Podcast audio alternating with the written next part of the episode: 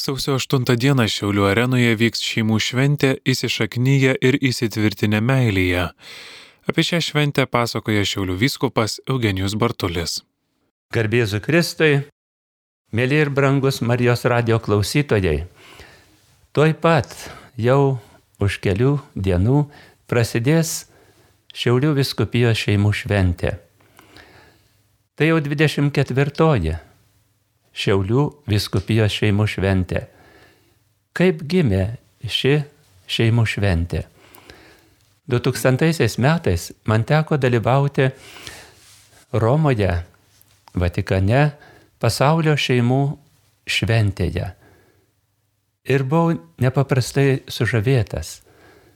Pamačiau, kiek daug nuostabaus jaunimo, kiek daug sutoktinių, besiruošiančiųjų ir priimančių santokos sakramentą, atnaujinančių santokos sakramentą ir koks džiaugsmas buvo viso pasaulio šeimoms susitikti šitoje šventėje. Man kilo mintis, o kodėl mūsų viskupijoje nepat, nepadaryti šitos šventės. Ir po truputėlį pradėjome Saulės kino teatro salėje šią šventę švęsti. Matėme, kad pradėjo netilpti žmonės ir tuomet su meru kalbėjome, kad reikia statyti naują salę, didesnę. Ir štai šiandieną jau mes šią šventę švenčiame ne pirmą kartą Šiaulių sporto arenoje.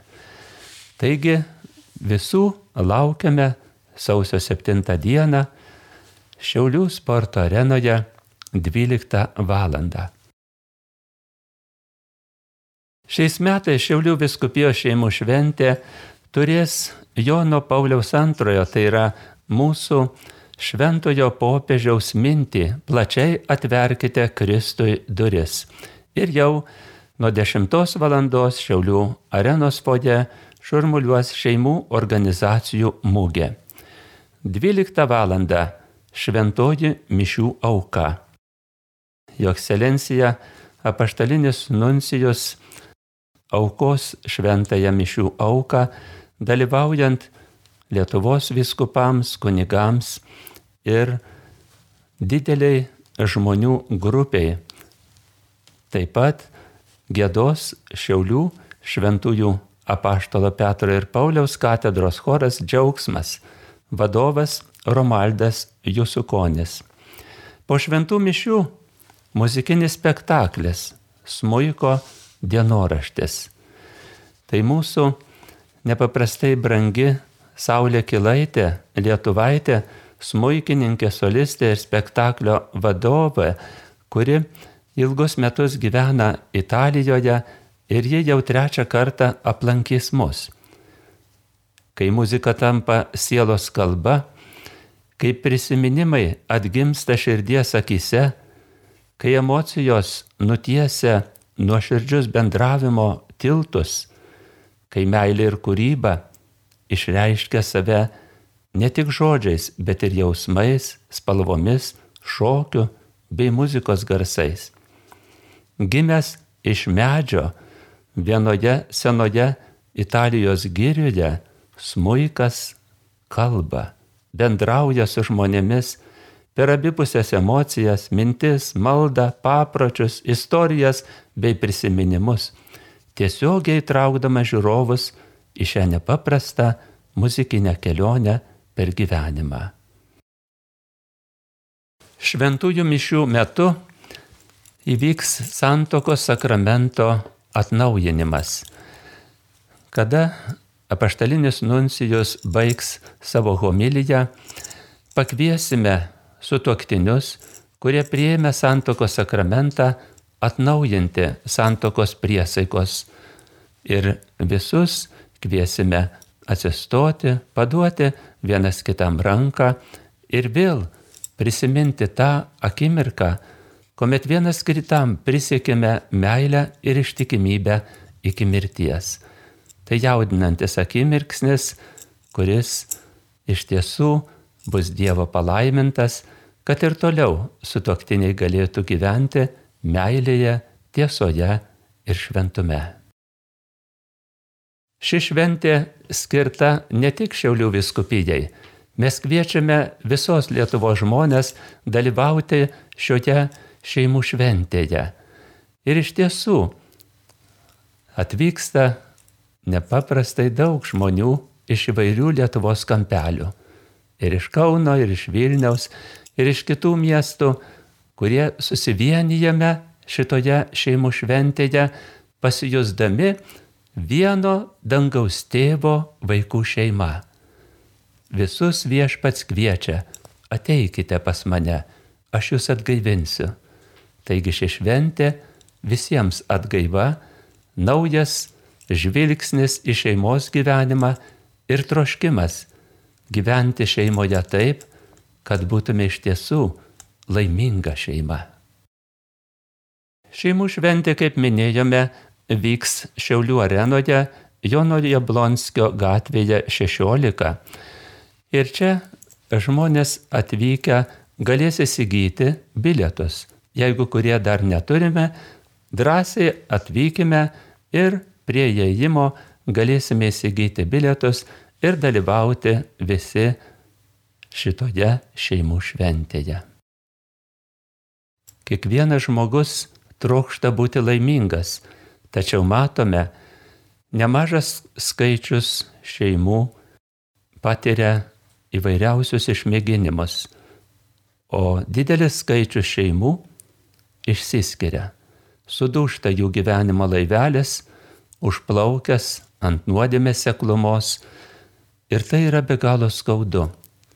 Tai ypatingai skaudu vaikams, kuomet jie netenka vieno ar kito vadovo kelyje į amžinybę, tai yra vieno ar kito tėvelio ir jų gyvenimas tampa nekarta skausmingas ir pilnas išmėginimų. Kokia galėtų būti viso to priežastis? Manau, kad žmonės nutolo nuo gyvenimo šaltinio Dievo. Viešpats labai aiškiai sako, Nuo manęs atsiskyrę jūs nieko negalite nuveikti, be manęs jūs nieko negalite padaryti. Ir viešpas sako, aš esu vinmedis, o jūs šakelės. Ir mes turime įaukti į tą didįjį Kristaus meilės vinmedį ir tada mes būsime vaisingomis šakelėmis, duodančios gausių meilės vaisių.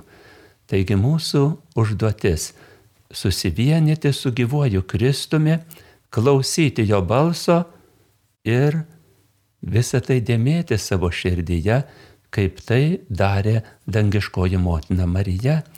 Ji pakluso, ji stengiasi, ji vykdė Dievo valią ir dėl to buvo išaukštinta iš visų pasaulio moterų.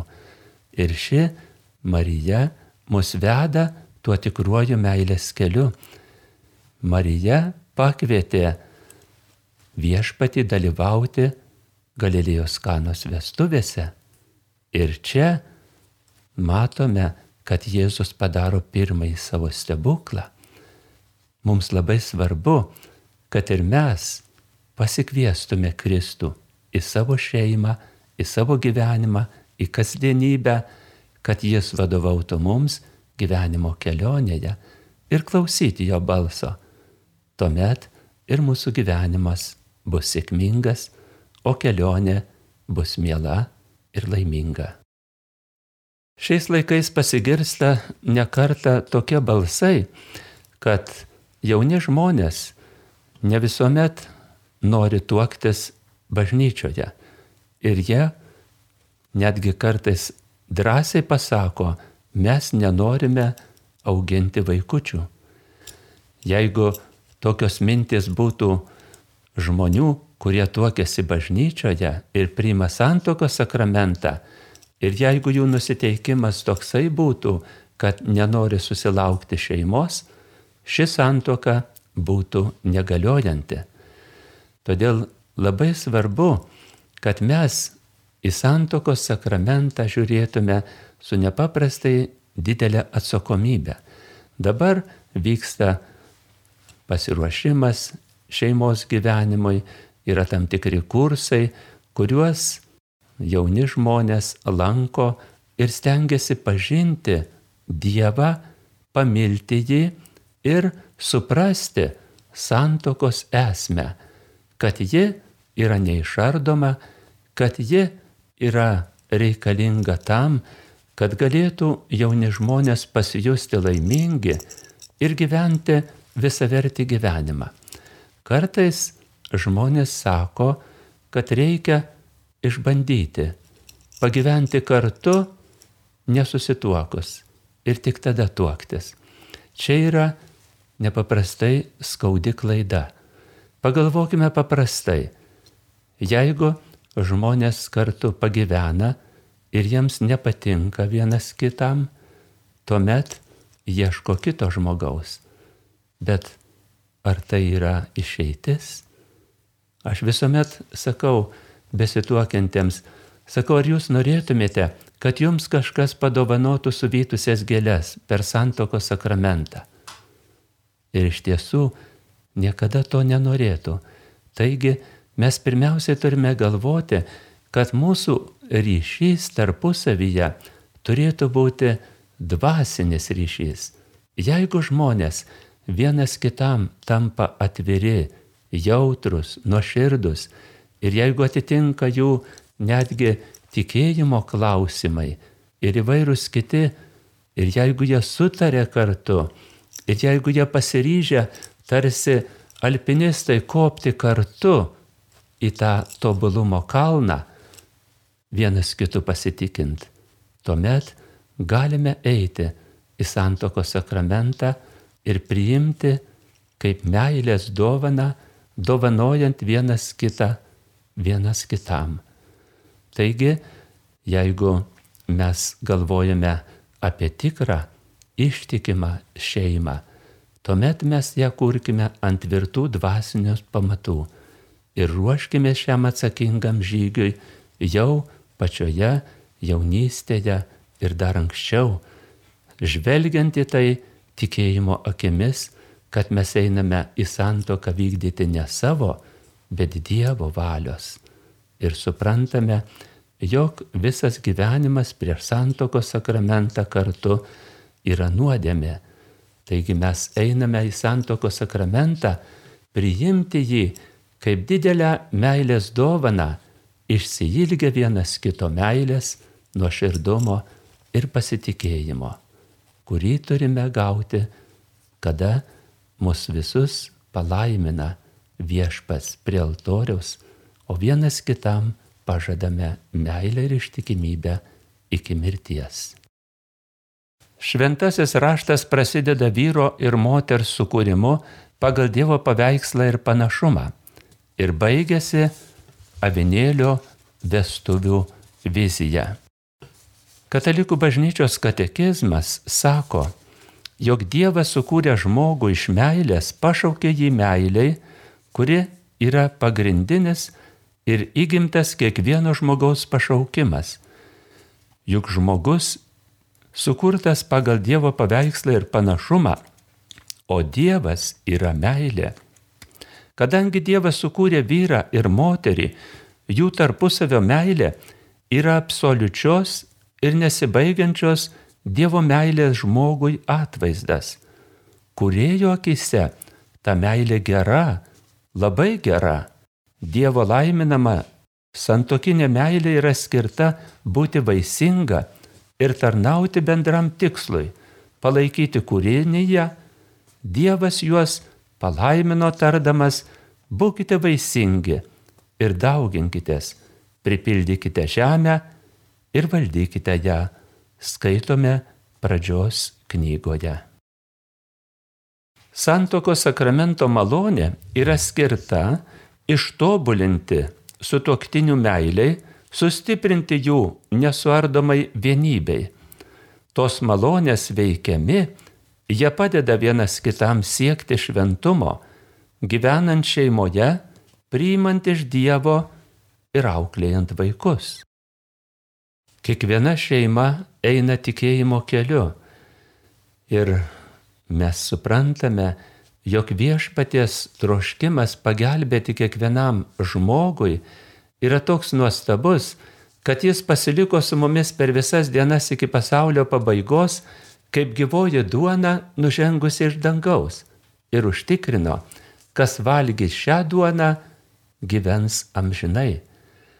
Taigi laiminga ta šeima, kuri supranta viešpaties meilės veikimą ir susitinka su išganytoju kiekvieno sekmadienio šventoje mišių aukoje, priimant Kristų į savo širdį.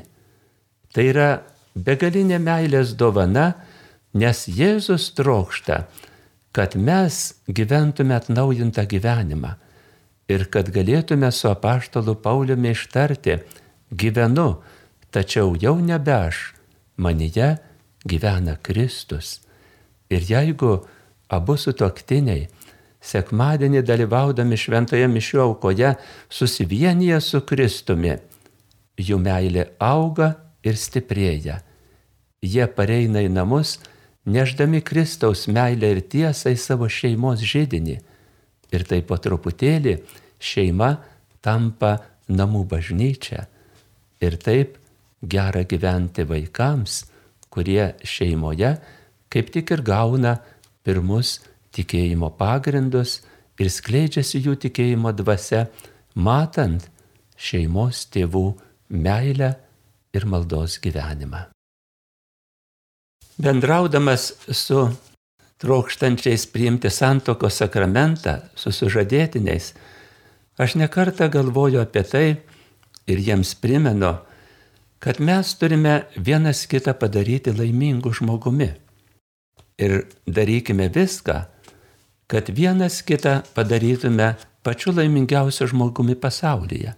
Taigi, vienas dėl kito gyvenkime ir darykime viską, kad kitas žmogus būtų laimingas. Negalvoti apie save, bet galvoti apie tą, kuriam mes padovanojame savo meilę ir ištikimybę, kad tas žmogus jaustųsi laimingu žmogumi ir visaverčiu žmogumi. Šventasis popiežius Jonas Paulius II kartodavo, šeima, kuri kartu meldžiasi, kartu ir gyvena. Taigi labai svarbu, kad šeimoje būtų atnaujintas maldos gyvenimas. Kai būtų gera, kad kiekvieną rytą pasveikintume Kristų ir išeitume su džiaugsmu į gyvenimą vykdant viešpatės valią, o vakare Abu sutoktiniai truputėlį susimasto, kaip praėjo mūsų diena. Ar mes tikrai vykdėme viešpatės valią, ar viskas šitoje kelionėje buvo gera. Ir jeigu vienas kitą įskaudinome, kiekvieną vakarą sugebėkime atsiprašyti vienas kito. Kai būtų gera, kad su rame širdimi, užmygę kiekvieną vakarą, iš ryto galėtume atsikelti, su naujomis jėgomis, trokštant su džiaugsmu eiti tuo keliu, kurį nurodo Kristus. Gyvenimo kelionėje nekarta žmonės sutinka įvairiausių kliučių ir santokos sakramento kelionėje būna įvairių akimirkų, kada žmonėms pasidaro sunku gyventi kartu. Katekizmas sako, vis dėlto pasitaiko, kad dėl labai įvairių priežasčių sutuoktiniams pasidaro neįmanoma kartu gyventi. Tokiais atvejais bažnyčia leidžia sutuoktiniams fiziškai atsiskirti ir negyventi drauge. Sutuoktiniai prieš Dievą ir toliau lieka vyras ir žmona. Jie negali sudaryti naujos santokos. Toje sunkioje padėtyje labai reikia kad mes vieni už kitus melstumėmės. Krikščionių bendruomenė yra kviečiama padėti tiem žmonėms krikščioniškai gyventi jų situacijoje, likti ištikimiems ir jų nepanaikinamams santokos ryšiui padėti aukti ir stiprėti. Mes žvelgiame į šeimas ir galvojame, jog viešpas sukūrė mus laimės gyvenimui. Ir šventajame rašte skaitome laiminga tauta, kuri savo Dievo viešpatį laiko. Ir mes galvokime apie tai, kad išganytojas mums primena, jog mes turime rūpintis Dievo karalyste ir jos teisybę, o visa kita mums bus pridėta. Taigi, mes turime kurti Dievo karalystę jau čia žemėje, suprantant, kad Dievo karalystė yra meilės, tiesos, šventumo ir džiaugsmo karalystė. Juk mes kiekvieną dieną kalbame tėvę mūsų maldą ir sakome, te ateinie tavo karalystė.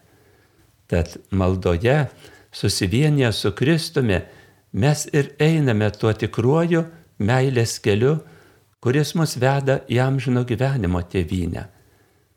Kurkime dangų savo šeimose, iš meilės Dievui gyvenkime ir ramybės bei meilės Dievas bus su mumis per visas dienas iki pasaulio pabaigos, nes Jis yra su mumis, pasilikęs švenčiausiame sakramente.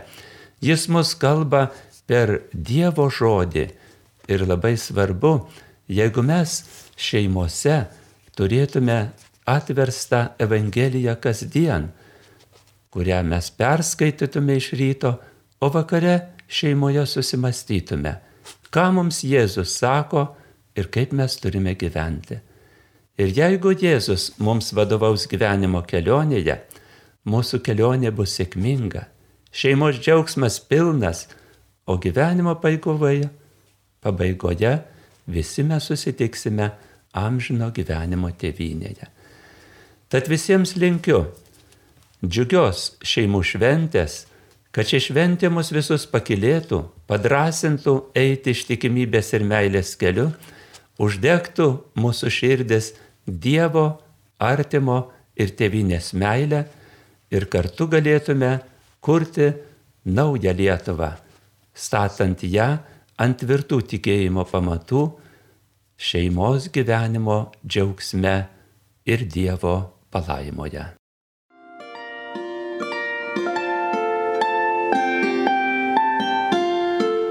Jūs girdite Marijos radiją.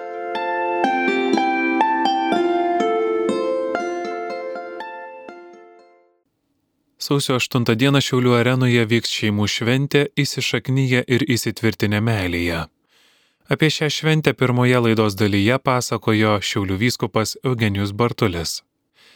Dabar kviečiame pasiklausyti Evangelijos ir vyskupo Algirdo Jurevičiaus homilijos sakytos Žemaičių kalvarijos švenčiausios mergelės Marijos apsilankimo bazilikoje.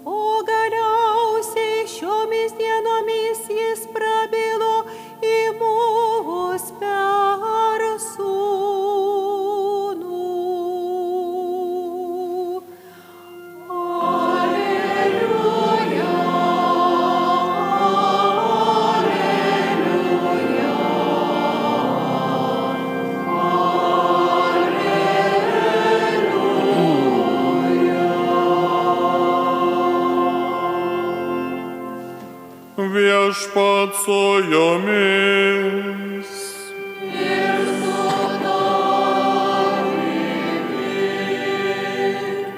Iš Šventosios Evangelijos pagal Joną.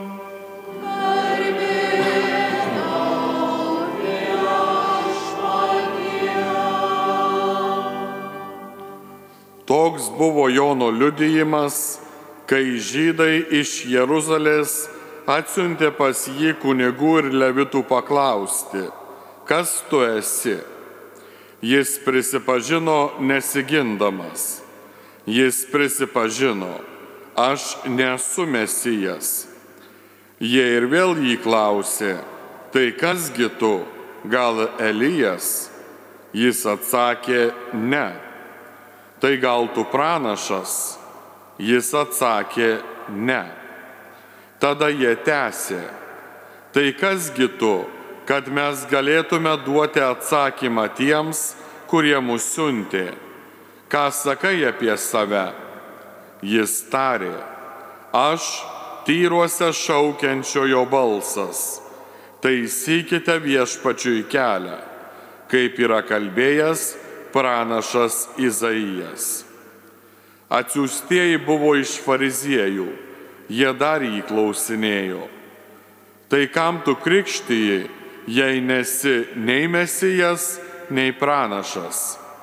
Jonas jiems atsakė, aš krikštyju vandeniu o tarp jūsų stovi tas, kurio jūs nepažįstate, kuris po manęs ateis. Jam aš nevertas atrišti kurpių dirželio. Tai atsitiko Betanijoje, anapus Jordano, kur Jonas krikštijo. Tai viešpatie žodis.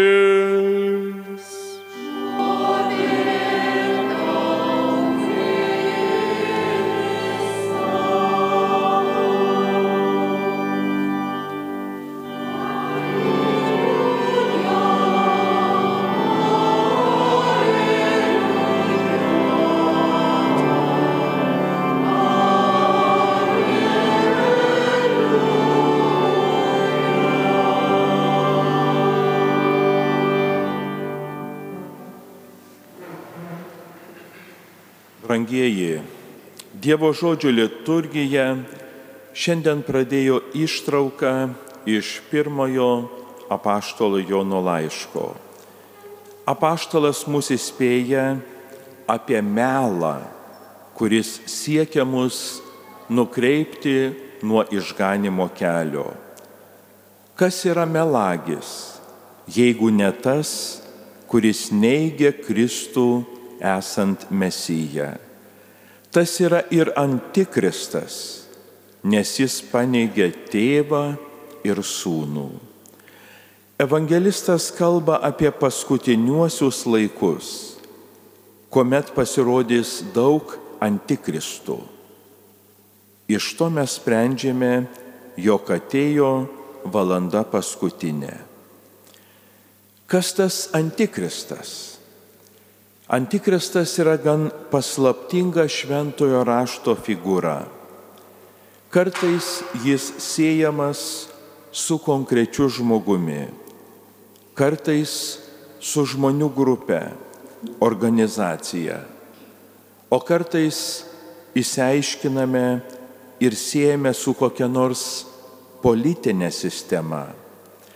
Tačiau viena yra labai akivaizdu, kad už to slypi piktosios dvasios veikla, kuri daro viską, kad tik pakenktų Kristaus misijai žemėje, kad tik pakenktų Kristaus bažnyčiai, kuri tęsia žemėje jo misiją. Mes palidėdami senuosius metus ir sutikdami naujuosius, linkėjome, kad ateinantis metai būtų geresni. Gal kiek jūs nuliūdinsiu, bet šventasis raštas to mums nežada, bet atvirkščiai. Šventasis raštas sako, kad kuo toliau, tuo krikščionims pasaulyje bus sunkiau, nes prieš pasaulio pabaigą suaktyvėja antikristo veikla. Pagrindinė antikristo arba antikristų veikla greuti Dievo tvarką. Tai vyksta per šeimos gravimą, per įvairias dorovinio gyvenimo kabutėse laisvės, kuomet vietoj tikrojo tikėjimo siekiama įbrukti kokį nors pigų pakaitalą - tikėjimą likimu, amuletais, talismanais, zodiakais ir taip toliau. Pats žodis, pats titulas Kristaus reiškia, kad jis yra pateptasis. Ir šiandien tame, toje laiško ištraukoje apaštalas Jonas mums taip pat primena apie patepimą, sakydamas, jūs esate gavę šventojo patepimą. Taigi kiekvienas iš mūsų esame pateptas šventąją dvasę. Pirmiausia buvo per krikštą patepama katekumeno aliejais, po to viršugalvis patepamas šventuoju krizmos aliejumi, ypatingai per sutvirtinimo sakramentą, kuris teikiamas aliejaus patepimu, išreiškiama šventosios dvasios artumas, patepimas. Kaip Kristus yra pateptasis, taip ir mes nuo Kristaus esame krikščionis, taip pat Dievo pateptieji. O tai reiškia, kad antikristas nutaiko savo veiklą ir prieš krikščionis, prieš tuos, kurie yra Dievo patepti, kurie turi tą patepimą, apie kurį mes šiandien girdėjome laiške apaštalo Jono. Prieš keletą dienų Vatikanas paskelbė statistiką, kiek per 2023 metus pasaulyje žuvo Evangelijos skelbėjų, kurie tarnavo bažnyčios pasiuntinybėje kaip misionieriai. Tarp jų vienas viskupas, aštuoni kunigai, septyni pasauliečiai, keturi vienuoliai ir vienuolės. Iš viso dvidešimt misionierių paukojo savo gyvybę tik dėl to, kad skelbė Kristų. Žinoma, čia nėra priskaičiuoti tie kiti krikščionys, kurie dėl įvairių teroristinių išpolių žuvo, kurie nebuvo tiesiogiai misionieriai, bet būtent nukentėjo tik dėl to, kad yra krikščionis. Matome, jog antikristas veikia. Ir veikia ne tik misijų kraštuose, bet jo veikimo ženklų pilna ir mūsų artima aplinka. Štai pastarosiomis dienomis visur buvo daug kalbama apie drakoną, apie jam pašvestus metus. Apie tai plačiai kalbėjo ir masinės informacijos priemonės, o daugelis žiniasklaidos priemonių daugiau dėmesio skiria drakono metams negu kalėdų slėpiniui nušviesti. Ir išgirdėjau keiščiausių paraginimų. Štai vienas iš jų Užsitikrink drakono paramą ir tau bus garantuota sėkmė bei aukšta padėtis visuomenėje. Užsitikrinti drakono paramą. O tai kas tas drakonas? Atsiverčiame to paties apaštalo Jono apreiškimo knygą apie apokalipsę, 12 skyrių, kurie tai parašyta. Štai pasirodė danguje milžiniškas ugnespalvis libinas. Originalo kalboje, graikų kalboje, žodis libinas įrašyta drakon. Tai yra graikiškai. Taigi tas drakonas tikodamas sustojo priešais moterį, kad jai pagimdžius prarytų kūdikį. Skaitydami suprantame, kad tas libinas drakonas yra velnės, šetonas ir piktoji dvasia.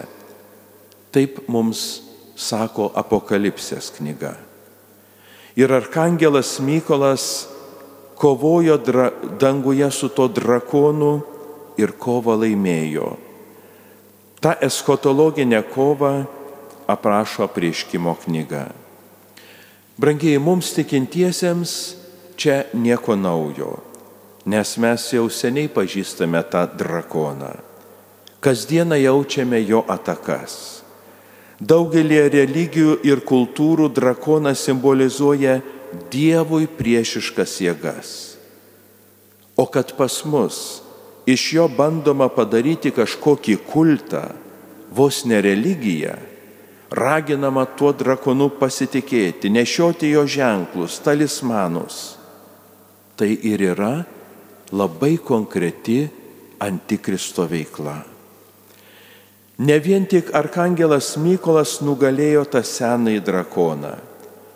Kiekvienas krikščionis raginamas pasitikėti viešpačių ir nepasiduoti piktojo suvedžiojimams. Štai mūsų tautoje nuo seno buvo gerbiamas šventasis Jurgis, vaizduojamas ant arklio ir nusmeigiantis piktai drakoną. Tai paveikslas, kuris padrasina kiekvieną abejojantį savo tikėjimu.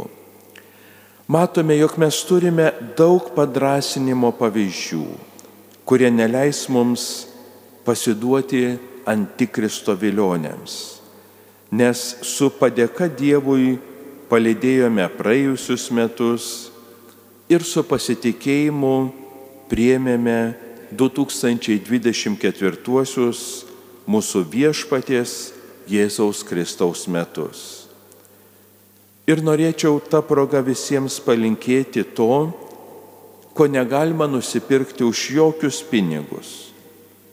Sveikatos juk nenusipirksime ramybės, taikos, laimės, draugų ir aukščiausiojo palaimos.